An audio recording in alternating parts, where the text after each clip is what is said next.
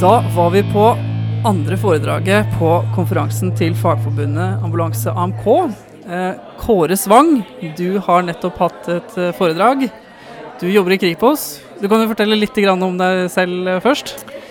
Jeg jobber i Kripos, og jeg jobber som fagspesialist og etterforskningsleder på alle saker som gjelder alvorlig vold mot barn. Jeg er så heldig at jeg får lov til å reise rundt i Norges land og etterforske disse sakene, og det har jeg gjort i en 18-20 eh, år snart. Mm. Du, hadde hatt, du hatt et foredrag der hvor du sier at vi helsepersonell, eller vi i ambulansen, er veldig viktig for, i forhold til etterforskningen og sånt noe. Det kan vi snakke litt om etter hvert. Men jeg tenkte litt på hva er de vanligste funn på, mot mis, altså mishandling på barn? Det vanligste mishandlingsformene, da?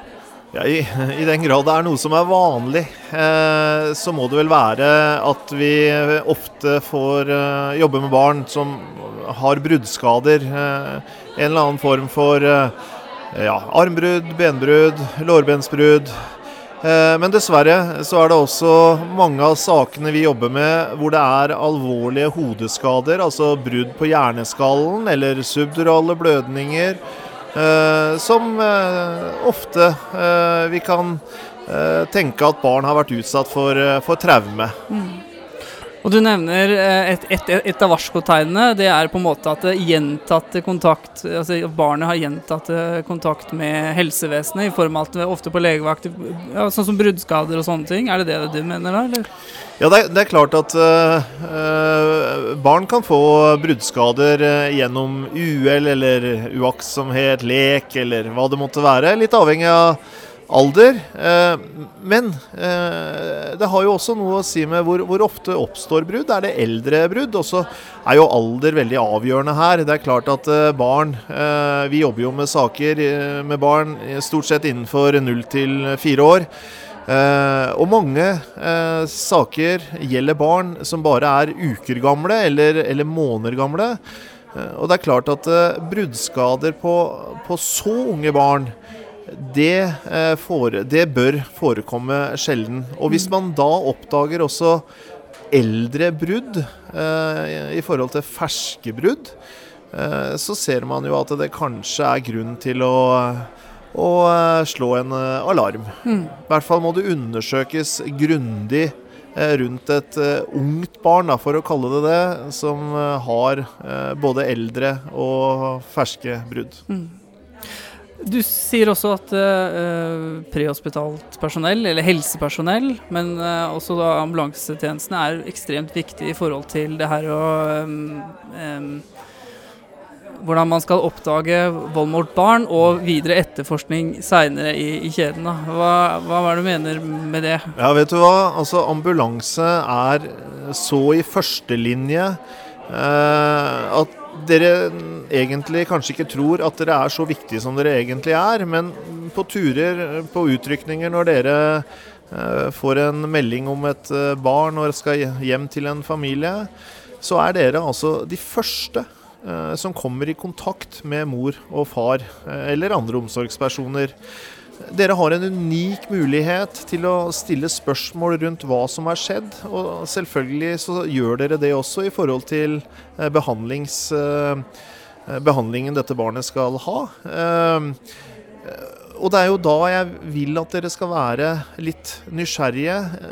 Spør detaljert om hva, hva har skjedd, hvor skjedde det, når skjedde det.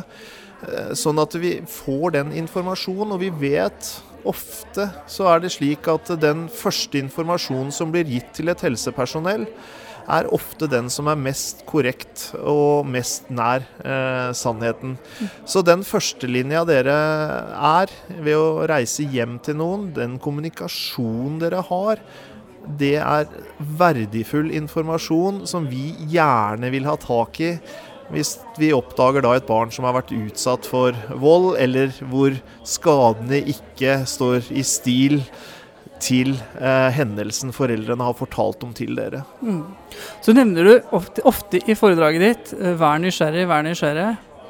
Ja. ja, og det går på spør masse. Altså hvis dere har en dårlig magefølelse her, Når dere kommer til dette huset hvor det er et barn eh, som er i dårlig allmennforfatning, og hvor det blir snakk om en hendelse som har skjedd, spør, vær innmari nysgjerrig. Jeg vil at dere skal tenke tanken om at vel, jeg hører hva foreldrene sier.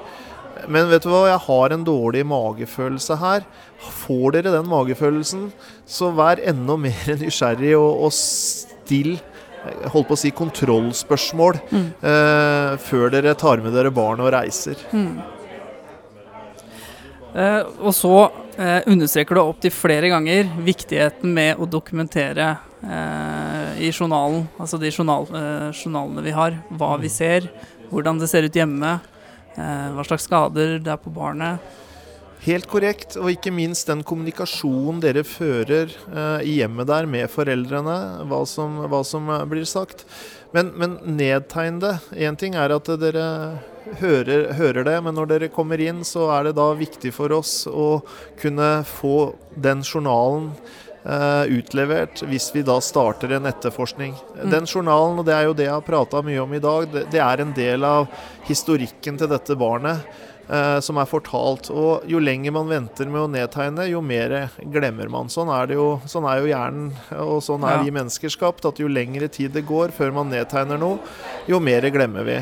Så po poenget mitt her er å si at uh, journalen er kjempeviktig for oss når vi begynner å etterforske disse sakene. Og jo tidligere dere har skrevet i de, jo bedre er det. Jo mer reell informasjon er det. Mm. Når skal vi melde? Ja, når skal dere melde? Eh, jeg har ingen, eh, ingen, eh, fasit på det, men uh, jf. meldeplikten som dere har. Altså alt helsepersonell har jo en meldeplikt enten til barnevern eller til, til, direkte til politi. Og innslagspunktet ifølge helsepersonelloven 3, paragraf 33, det er jo til barnevernet, så er det altså når det er grunn til å tro at et barn kan ha vært utsatt for noe eller ikke har det bra i hjemmet sitt. Eh, har dere den følelsen av at eh, dette barnet har, har, det ikke greit, så er det barnevernet. Så har dere en, en plikt til å melde fra til barnevernet. Hvis det er en konkret hendelse, et, dere kommer til et sted hvor, hvor, det blir fortalt om en hendelse, at et barn har falt ned et sted, og, og dere allmenntilstanden til barnet er generelt eh, dårlig, og, og, dere mistenker at dette barnet kan ha innvendige skader, Eh, så er vi over på en høyere terskel eh, hvor det er en konkret mistanke, og da skal meldinga gå direkte til politiet. Det er en ved konkret, konkret mistanke om at det er noe som ikke stemmer her. Så tenkte jeg vi kunne bare, hvis du klarer det kort Dette er ikke lett kort, kanskje, men forskjell på taushetsplikt og, og, opplysningsplikt? Ja.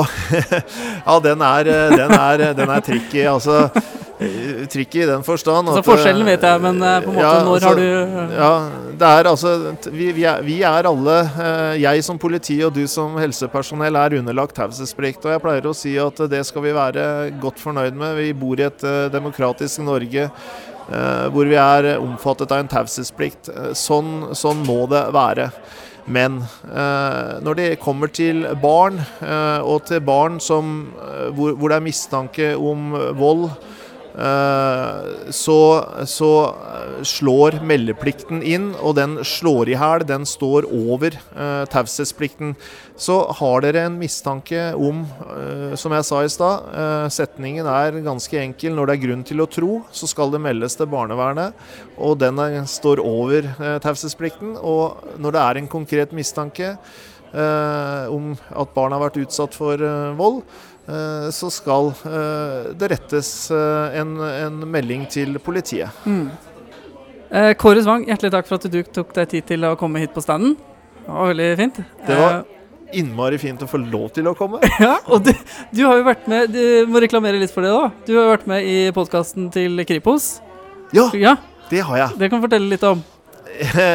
Ja, hva skal jeg fortelle? Altså, det, bare gå inn og hør på um, Kripos sine podkaster. Der snakker vi masse om uh, røde flagg. Vi snakker om uh, eh, hvordan vi jobber med disse sakene. Det er en ganske lang eh, podkast hvor, hvor, vi prater om eh, veldig mye av det jeg har sagt i foredraget i dag. Jeg prater mye om naiviteten eh, som har opptatt meg i mange år. Eh, at vi må bli flinkere til å tro at foreldre og omsorgspersoner faktisk utsetter barn for vold. Mm.